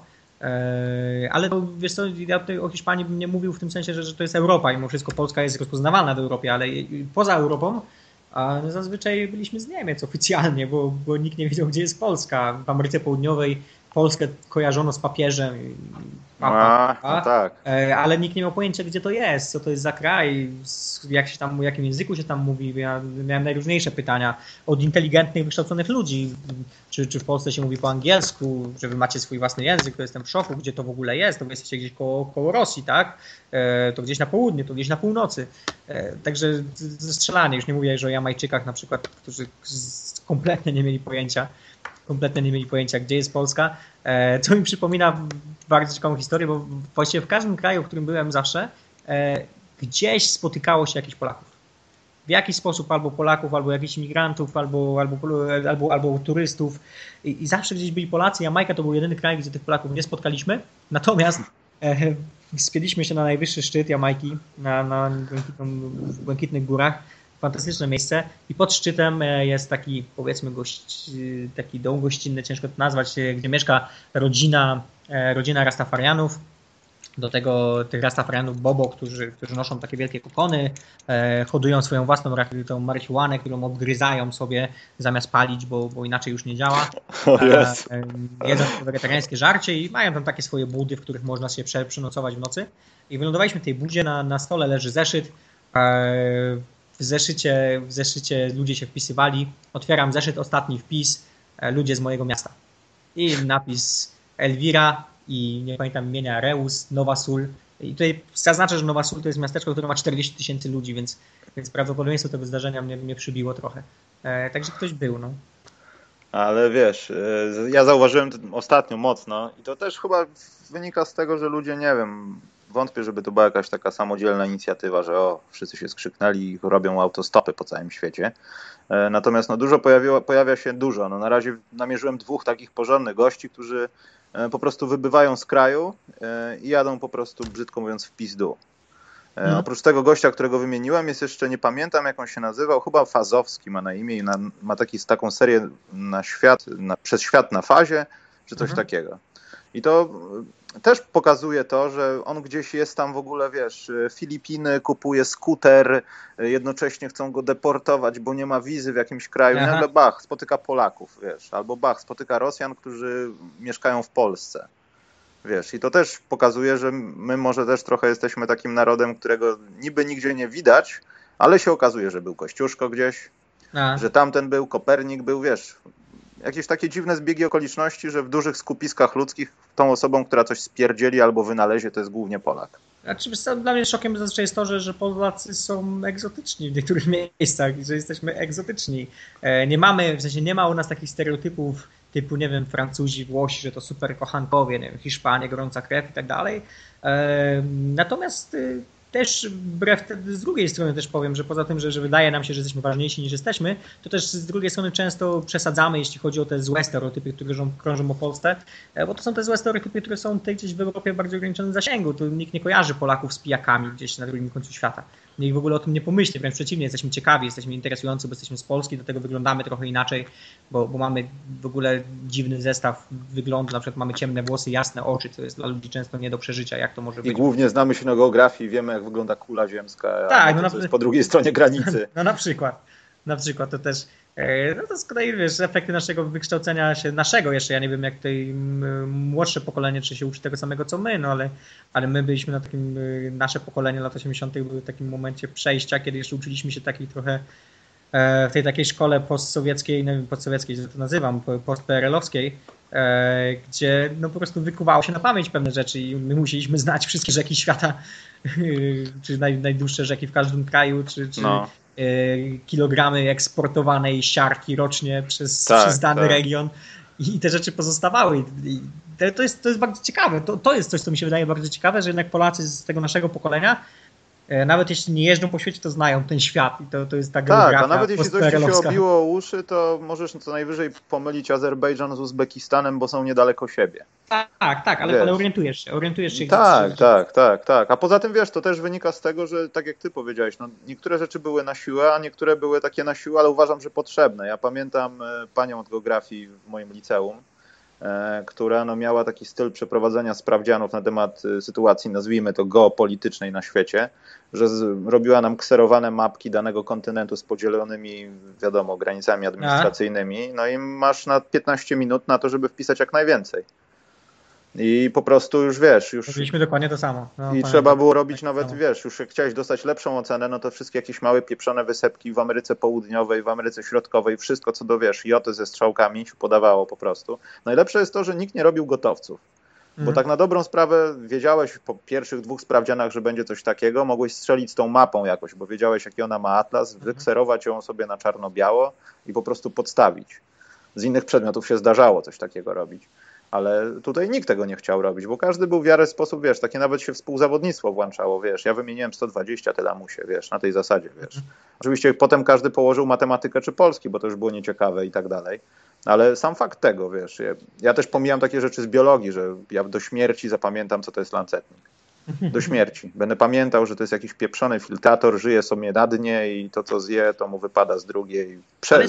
Rys jego pamiętam z tej pieprzonej książki, wiesz. Ale jestem, jestem bardzo ciekawy, czy to nie jest trochę tak, że przez to, że my z tej, to nasze pokolenie było tą geografią tak męczone, bo jednak męczone, bo ja pamiętam, że to jest chyba jedyny przedmiot, który tak dobrze pamiętam w ogóle z szkoły podstawowej i potem z liceum. A to nie jest tak, że masz z nim największą styczność? Znaczy być może, ale, ale, ale tak sobie myślę, czy to nie jest tak, że na przykład tak dużo Polaków, bo jednak jest bardzo dużo Polaków, którzy jeżdżą, podróżują. No tak. No. Się spotyka, no, mówię, ja poznałem mnóstwo, mnóstwo ludzi podróżujących i to wiadomo, że to nie tylko Polacy, jest bardzo dużo E, z, też młodzież z innych krajów ma większe możliwości finansowe, żeby jeździć po świecie. Poza tym możliwości, wiesz, za czasów naszych, powiedzmy, nie wiem, gdybyśmy w latach 80. mieli po 20 parę lat, to ja już nie mówię 80., nawet dobra 80., to wyjazd jest niemożliwy, albo praktycznie niemożliwy, chyba że ktoś no, z twojej ja... rodziny ci pomoże i tak dalej, dostanie paszportu w latach 80. Jasne. Wiesz, a tu otwarte no, granice, wiesz, Europa i tak jest do dupy, jeśli chodzi o podróżowanie. Bo i tak wychodzę z założenia, że najlepiej nazwiedzać się w Polsce wszystkiego, a potem gdzieś jechać i strugać siebie podróżnika. E, ale wiesz, to jest, to jest żaden wyczyn. Jech... Tak, nie, no tak. no, jechać do Hiszpanii teraz stary samochodem, siadasz i jesteś w dwie doby na miejscu i się smażysz na plaży, no i koniec. Są tanie linie, nie ma, nie ma problemów i e, no to podróżowanie gdzieś tutaj funkcjonuje. Dla mnie największym takim szokiem, kiedy zacząłem w ogóle jeździć, a, a pierwszy raz pojechałem, poleciałem gdziekolwiek w wieku 23 lat, więc, więc to nie jest tak, że mam jakąś ze sobą historię od dziecka podróżowania. Wcześniej nie ruszyłem tyłka najdalej za granicę, za granicę czeską, żeby z tatą wypakować plecaki tanim piwem. E, to wszystko, co robiliśmy. E, I potem pierwszy raz poleciałem gdzieś w świat i nagle się okazało, że jest fajnie i że można i że to nie jest takie bardzo skomplikowane. To fakt, że te wszystkie kraje i te wszystkie miasta istnieją. I dla mnie to jest do dzisiaj szok. Jak jestem w jakimś miejscu, które ma jakąś szaloną nazwę, e, którą kiedyś oglądałem na mapie i krążyłem palcem po, po tym atlasie i zamęczałem te mapy, oglądając i patrząc, co tam może być. Okazuje się, że te miejsca naprawdę tam są i żyją tam ludzie. I to jest, to jest coś, czym chciałbym zakończyć, bo jest to dla mnie wciąż e, po, po, po, po tych dziewięciu latach jeżdżenia troszeczkę po świecie jest dla mnie wciąż fascynujące i niesamowite, że, że te miejsca są. Ale co, żadna Azja, nic? E, Azja mnie tak bardzo nie kręci. W sensie no właśnie, mnie też nie. Ta centralna, ta centralna Azja post, post, postkomunistyczna, tak. Y, reszta Azji, znaczy pojechałbym do Japonii bardzo chętnie, ale jakieś Tajlandie, myślę, że jest dużo więcej miejsc póki co, które, które bardziej bym chciał zobaczyć. Bo... Ale nie obrażę się oczywiście, jeśli tutaj słucha nas jakiś bogaty pan. no tak. Bardzo no. chciałby, żebyśmy nagrywali podcasty w różnych krajach świata i będzie potrzebował podcastu z Tajlandii. Jadę. Jasne, jasne. Ja jeśli chodzi o Gruzję, to mam kontakty przez Monsun, bo jeden z moich dzieciaków, by, jego ojciec był jakimś atasze, czy nawet ambasadorem, czy z kimś z ambasady i zawsze przyjeżdżał z ochroną na treningi. Swoją drogą całkiem solidny pan od ochrony, naprawdę wielki, strasznie. E, no i tam, no, tam nie dość, że już na Kaczyńskiego, to jeszcze na swoje nazwisko tam mogą być jakieś rzeczy, także jeśli ktoś chciałby nas tam wysłać, to, to z chęcią tam nawet jakieś kompleksy wojskowe możemy zwiedzić, także nie ma problemu. Mhm. Jednym z takich dla mnie, dwa takie, ale wiem, że jeden jest y, może nie tyle też przez sytuację polityczną, co przez to, że ludzie spoza tego kraju, kiedy chcą coś tam głębiej pozwiedzać albo czegoś się dowiedzieć, mogą być niechętnie przyjmowani, ale to też może być bzdura, to jest Izrael. Mhm. Ja nie jestem już tyle ciekawy. Wiadomo, chciałbym pójść, e, o ile by mi jakaś rakieta nie zdjęła, albo jakaś proca z jakiejś domowej roboty koktajlem Mołotowa, ale chciałbym, ja nie jestem jakimś bardzo pałającą krwi osobą, ale chciałbym zobaczyć, jak wygląda pogranicze Palestyny i Izraela. W sensie, jak to naprawdę wygląda? W sensie, mhm. co, jeżdżą tam on daily basis glebogryzarki niszczą ludziom domy, czy z drugiej strony ktoś im tam robi krzywdę, czy oni może wręcz przeciwnie normalnie żyją, tylko raz na jakiś czas coś się stanie i opinia publiczna musi o tym powiedzieć. E, jestem ciekaw, jak tam życie wygląda przede wszystkim. Mm. Tego, czy, no nie wiem, czy w jakiś sposób może się okazuje, że jakoś ci ludzie próbują się asymilować i przeciwstawić się temu, co robi Izrael. Kolejną rzeczą, która mnie bardzo zastanawia, no to ostatnio przeczytałem, że w Izraelu e, wprowadzono nie tak dawno ograniczenie środków bólowych i to był temat, który poruszaliśmy niedawno i emeryci mogą palić jointy w szpitalach. Popatrz. Możesz palić poza granicami, ale jak się źle czujesz, jedziesz do szpitala, tu jest wszystko przygotowane, proszę. I jest bliżej niż na Jamajkę. I jest bliżej niż na Jamajkę. Tylko, że myślę, że wiesz, no Polak to tam może nas bardziej lubią, ale siebie trzymają bardzo blisko i po tych ostatnich wydarzeniach tam jest coraz więcej ludzi, którzy przyjmują obywatelstwo, bo była ta akcja wywożenia ludzi z Francji, z Niemiec. e, słuchajcie, jesteście naszego pochodzenia, macie na to papiery, dajemy wam pracę, tylko przylećcie. Mhm. I podejrzewam, że ten taki stary, stary, fajny Izrael, gdzie tam jechałeś i tam byli sami ortodoksi, można było coś pozwiedzać yy, i tak dalej, no już się kończą powoli, ten kraj też się będzie zmieniał. I mimo wszystko jest w Europie, jak gdyby. O, kulturowo, nie? No, rozgrywki, rozgrywki są jako europejskie, no nie grają gdzie indziej. Także mhm. wiesz. To jest ciekawe, ale dużo ciekawsze dla mnie i to też jest tak dziwne, bo jadąc tam wspierasz chyba niedobrą sprawę, to jest Korea Północna. Mhm. Strasznie chciałbyś, chciałbym chciał, tam chciałbyś, jechać. Chciałbyś tak. odwalić Denisa Rodmana generalnie. E, znaczy może nie Denisa Rodmana, ale przede wszystkim ja bardzo się interesuję tematem tego kraju i tu też nawet śledzę ich na olimpiadzie i oni są wyżej w klasyfikacji medalowej od Polski, bo mają jeden medal więcej, co prawda nie A mają w czym, złotego. W, w, w czym oni zdobywają medale? Już ci mówię, w podnoszeniu ciężarów, ale po, jedna kobieta e, do 63 kg Chio Hyosim jeden facet do 56. On chyba wymyślił opór napięcia Omyun Chol. E, I jeszcze dwa brązy, jeden w strzelaniu i to jest chyba, chyba żołnierz, który strzeże granicy, jest jednym ze skuteczniejszych strzeżycieli granicy, pograniczników ich e, z 50 metrów z pistoletu Kim Song-kung brąz i w Pingla. I w Pingla chyba A, wygrała kobiecina, która ograła naszą kobiecinę. Kim Song-i. Tak, tak. I no, pomijam to, że Słońce Narodu, wnuk wielkiego pradawnego, który urodził się 105 lat temu, e, zażyczył sobie jak najwięcej medali, a pamiętamy, że po ostatnich mistrzostwach chyba świata w piłce nożnej e, minister sportu został odwołany i przewieziony do Gułagu za to, że 7-0 było z Portugalią. Mhm. Oczywiście w mediach zdobyli chyba medal nawet, czy wygrali te Mistrzostwa Świata, bo pamiętam, że były takie highlighty. E, ale tak poważnie, no jestem ciekaw, jak wiem, jak tam się ludziom żyje. Żyje się źle, jakbym jechał na prowincję albo do jakiegoś tam obozu zagłady. Ale widzę już co któryś raz materiały, które pokazują, wiadomo, to jest wszystko, to może być jak w Truman Show, że tam pojawia się pięć osób, nagle się pojawiają budynki, taksówki, chmury, słońce i wszystko jest w porządku, dopóki oni nie wyjadą. I tak trochę jest ale chciałbym trochę pozwiedzać, chciałbym zobaczyć, jak to tam wygląda, chciałbym przekonać się, czy pan Zubecji będzie za mną chodził i faktycznie mogę skończyć w więzieniu. Mhm. To taka jest bardzo egzotyka egzotyki, tylko że... No, no to jest egzotyka egzotyki, dokładnie. Roz, rozterki są tego typu, że no dając te... Słyszałem, że są podróże, jest polskie przyjaciół Korei Północnej przy ich e, ambasadzie. Aha. Oni nawet mają jakieś odczyty, starają się nakręcić ludzi na ich ideologię. Nawet słyszałem o dwóch osobach z Polski, które prawdopodobnie jedna przyjęła obywatelstwo i tam mieszka. E, nie wiem, jak to ma się w naszych stosunkach dyplomatycznych, bo niby oni są na olimpiadzie, niby wszystko w porządku, a tak naprawdę oni mają tyle embarg, że Rosja tyle nie ma za te swoje ostatnie rakiety i różne dziwne rzeczy. E, można tam pojechać, można tam pozwiedzać, tylko że musisz wiedzieć o jednym, że dajesz pieniądze gościowi, który zaraz je wyda na swoje jakieś głupie przyjemności albo po prostu na swoje żarcie. No. Mhm. To nie są pieniądze, które wędrują do jakiegoś wspólnego kotła. I to jest jedyna taka pobudka, która chyba powinna ograniczać przed takim wyjazdem, a wyjazd nie jest tani, bo to jest od 5 nawet do 11 tysięcy złotych, zależnie od tego, z przelotami to jest wszystko. Mhm. E, zależnie od tego, ile chcesz tam zostać, no i co chcesz zwiedzić. E, I to byłoby bardzo ciekawe. No, w latach 90. był tam mój ojciec. Zrobił sobie taką wycieczkę, bo jego kolega pracował w ambasadzie. W latach 80. w zasadzie pod koniec. Tak chyba na przełomie, już nie pamiętam mm. dokładnie. To no, pierwsze, co to go uderzyło, że taksówki jeździły maluchy bez przednich siedzeń, z tyłem tylko się wsiadało do tyłu. Na mój ojciec przy 190 i 120 wagi, przy tych małych ludzikach naprawdę wzbudzał wrażenie, wiesz mm. na targu, wiesz, tylko on się poruszał już jako pracownik, wiesz, ambasadowy, czyli mógł pójść na targ z tym jego kolegą, czy tam z jakimś innym pracownikiem, e, popatrzeć jak się wróble robi, wiesz, e, shish kebaby z wróbla, wiesz, takie tego typu rzeczy. -hmm.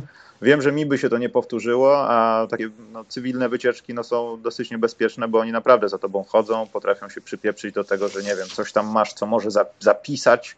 Telefony komórkowe to w ogóle już oddajesz na lotnisku, wiesz, żeby nie było żadnych materiałów. A jeśli chcesz jakieś materiały, musisz dostać pozwolenie. To jest, to jest w ogóle bardzo ciekawe, bo to jest, tak jak mówisz, egzotyka egzotyki.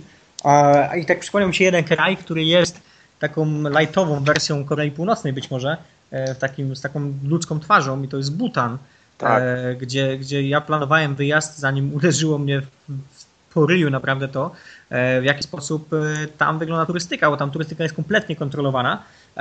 Musisz płacić dziennie określoną ilość pieniędzy tak. i państwo, czy urząd turystyczny, czykolwiek te, takiego organizuje ci całą resztę. E, i ty jakby nie możesz tam podróżować właściwie na własną rękę I, to jest dla mnie fascynujące, bo jednocześnie jest to jeden z najbezpieczniejszych, czy nie najbezpieczniejszy kraj świata, e, być może dlatego, że pewnie sami robią statystyki, ale, ale też ciężko powiedzieć, natomiast też fantastyczny ponoć kraj, jeśli chodzi o jakieś przepiękne świątynie, przepiękne góry, e, miejsca, które można zobaczyć. Ale nie mieli jakiegoś przewrotu, że zmienili nazwę i coś tam, czy to nie ten kraj, mylę? Nie jestem pewny nawet, wiesz co? Myanmar to jest... Nie, to jest Birma, to jest Birma. A, Birma, przepraszam. To jest Birma, Myanmar to jest Birma. A o tym też myślałem. Nie, Natomiast... tam to jest mega niebezpiecznie, tam to jest bardzo źle. Natomiast Bhutan y, to jest taka właśnie Korea Północna light. Oczywiście i teraz przepraszam wszystkich, którzy się znają lepiej na Butanie i na Korei Północnej. Tak, jesteśmy ignorantami, jeśli o to chodzi, więc, więc bierzcie to z dużym, tak tutaj, e, z dużym marginesem, e, bo, bo mówię to na podstawie siedmiu rzeczy, które wiem o Butanie, nie wiem więcej, więc e, natomiast tak mi się to kojarzy, tak skojarzyło mi się z Koreą Północną. Ale to też z drugiej strony, no, to też powstaje temat, wiesz, do Szwecji, nie wiem, Belgii, Słowenii, południowej Afryki, ok, bo płacisz i tak naprawdę nie masz jakiegoś takiego przełożenia na to, że komuś pomagasz, ale tutaj w takiej sprawie jak Korea Północna, no naprawdę, no, płacisz pieniądze takiemu bardziej lajtowemu Hitlerowi, szczerze mówiąc, no, który zamknął tak. swoje działanie dzięki podziale kraju po II wojnie światowej i ta część rosyjska przypadła. Rosjanie wychowali twojego dziadka, który był psychopatą koszykówki. Pierwsze kontakty y, dyplomatyczne z Amerykanami po II wojnie światowej były nawiązane przez Marlene Albright, która przywiozła piłkę do koszykówki z podpisami Chicago Bulls. Mhm. Y, jesteś psycholem koszykówki, będąc wnukiem tego gościa i wiesz, masz rakiety, atom, bomby atomowe, rakiety atomowe, wszystko masz, masz milion czynnych żołnierzy, którzy są co prawda głodni, ale oni zrobią co swoje i zaatakują południową Koreę i prawdopodobnie by ich załatwili bez pomocy Amerykanów płacisz mu i zostawiasz te pieniądze tam, żeby ten reżim jakoś przetrwał. E, no. W, w, Polsce są miejsca, gdzie półno- ludzie z północnej Korei normalnie pracują. W Warszawie, Wilanowie pracowali jeszcze tej zimy przy budowie bloku, we Wrocławiu, hmm. bloku jakiegoś tam apartamentowca. We Wrocławiu to samo.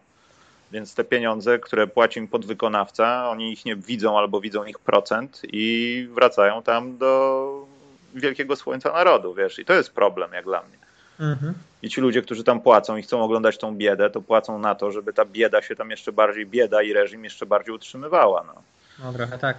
Tak to jest, ale chciałbym zobaczyć. Poza tym, no, jeśli chodzi o sytuacje turystyczne i nie wiem, nawet zwiedzanie jakiejś tam przyrody, to, to jest nietknięte kompletnie. Tam nie ma turystyki. Tam wchodzisz do lasu, który od II wojny światowej prawdopodobnie został w ogóle, nawet tam wiewiórka nie biegała. Mm południowej nie masz szans na to, no bo tam już jest, nazwijmy to cywilizacja, a tutaj nic. Co najwyżej kora obgryziona z drzew, bo ludzie po prostu z głodu zaczęli jeść i wyjęli wszystkie korniki, wiesz. I dlatego myślę, że to mogłoby do mnie przemówić, ale jest jeszcze jedno miejsce, jest ono znacznie bliżej, tylko że nikt nie chce ze mną jechać, Przemek. Bo każdy mówi, że tam... Nie... To propozycja, tak? Czy... No, i wyjazd nie jest drogi. Ja mam już od dwóch lat, już mam na oku jedną stronę, polską stronę, firmę, która to mniej więcej organizuje. No, a wiedząc niektóre rzeczy, już nawet wiedziałbym, gdzie się skierować, żeby dodatkowe atrakcje zagwarantować. To jest Czernobyl. Naprawdę.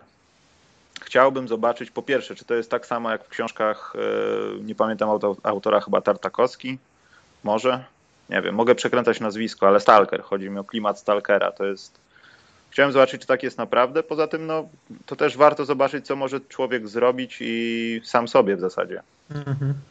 I, no to, no... Jest, to jest jedno na pewno z takich miejsc, e, wiesz, jedno z niewielu miejsc na świecie, gdzie faktycznie możesz zobaczyć postapokaliptyczną wizję świata. To, co by się stało, jakby nagle ludzi nie było i co się, co się dzieje z tym wszystkim. No, a poza tym jest jeszcze jedna rzecz i ludzie o niej zapominają. Na tamtym terenie jest coś takiego, taka konstrukcja w zasadzie, która się nazywa Oko Moskwy. I to była konstrukcja w czasach, w czasach zimnej wojny, która miała wykrywać na naszej półkuli, jak leci ta zła, niedobra, imperialistyczna rakieta w kierunku naszego super sojuza. Mm. I to wygląda jak taki wielka żerć zrobiona z rurek metalowych, tylko dużych rurek, wystająca z lasu. I naprawdę to widać, wiesz, z kosmosu coś takiego i chciałbym to zobaczyć, wiesz, to są pozostałości rzeczy, które e, nie tyle co mówią po o wojnie, ale warto zobaczyć takie rzeczy, na co stać człowieka.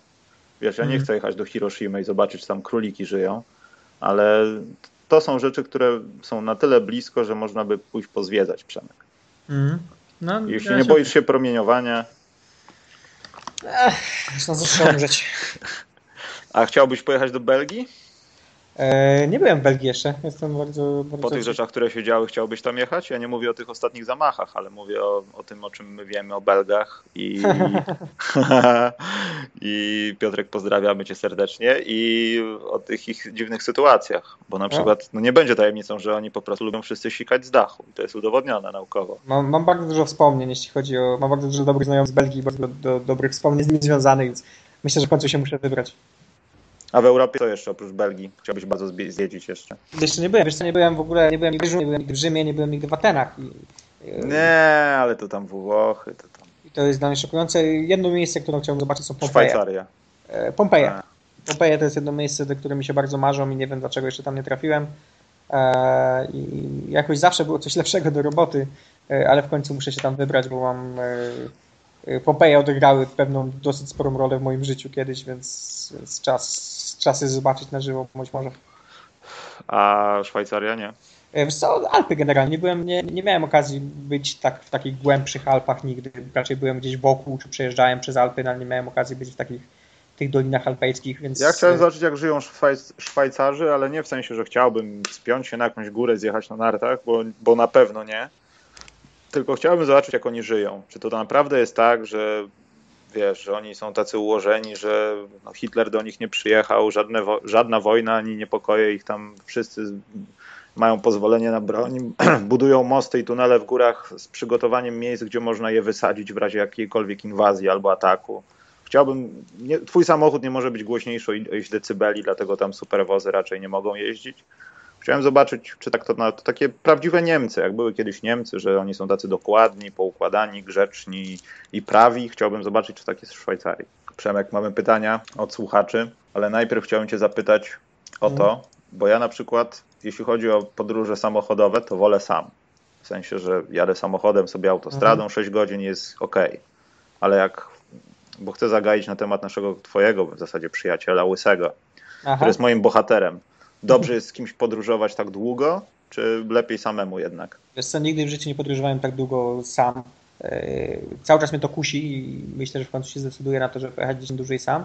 E, jest to specyficzne, jeśli spędzasz z kimś 3 miesiące, dzień w dzień, czasem po dwie doby w jednym autobusie, e, żeby było taniej, zazwyczaj śpicie w jednym pokoju. I nawet jak lubisz tę osobę bardzo mocno, to przychodzą ciężkie bardzo dni, a um, największy kryzys mojej relacji z Łysym, Łysy to, to mój towarzysz dwóch takich dużych podróży, w których byłem. E, największy, największy kryzys przeżyłem w Medellin w Kolumbii, e, gdzie Łysy postanowił za moimi plecami rozdać całą moją pizzę ubogim. E, bardzo szlachetny gest, natomiast y, niehumanitarny nie, to było. Niehumanitarny wobec mnie. Szczególnie, że swoją zjadł, a moją rozdał. Więc, więc wtedy jakby nagromadzone przez miesiąc czy półtora różne takie rzeczy wybuchły i przez dzień się do siebie nie odzywaliśmy, więc takie rzeczy też się zdarzają. E, natomiast spotkałem bardzo dużo ludzi, którzy podróżują samotnie e, i bardzo sobie to chwalą. Na pewno poznaje się wtedy bardzo dużo ludzi i ma się większą motywację, żeby, żeby poznawać miejscowych. Znaczy wiesz, jest podróżowanie i podróżowanie. Możesz sobie wsiąść w samochód i przejechać całą Europę samemu i to jest ok. Mieszkać w hotelach, wiesz, da radę. Mhm. Ale w momencie, kiedy już nie chcę zagajać do tych autostopowiczów YouTube'owych, ale kiedy założyłeś sobie jakiś plan, wiesz, że prawdopodobnie będziesz spał w śpiworze i namiocie, to mogą być problemy po prostu. Z samej prostej przyczyny, że nie masz, nie powiedzmy, nie wiem, przez 3-4 tygodnie do kogo gęby otworzyć. Mhm. Wiesz, bo co innego, nie wiem, nawet robić jakieś nagrania, nagrywać się i tak dalej, po prostu idziesz i tak jesteś sam ze sobą, wiesz, i są różne chwile, czasami idziesz 6 dni przez deszcz, podejrzewam, jest ci mega zimno, śpisz w jakichś gównianych warunkach, jeszcze cię, nie daj Boże, okradli albo coś zgubiłeś, no i siada, podejrzewam, że zwyczajnie siada na głowie, no, nic mhm. więcej. No i ciekawe, czy to jest kwestia tego, że po prostu jest ktoś potrzebny obok, czy lepiej to robić samemu i po prostu już to założyłeś, to to rób. No pewnie zależy od osoby, są, są ludzie, którym to pasuje, no mówię, poznałem bardzo dużo ludzi, którzy bardziej sobie cenią podróżowanie samotnie i czują się w tym świetnie. Ja chyba nie jestem taką osobą, muszę mieć kogoś, e, kto daje mi motywację do tego, żeby ruszyć dupę z hostelu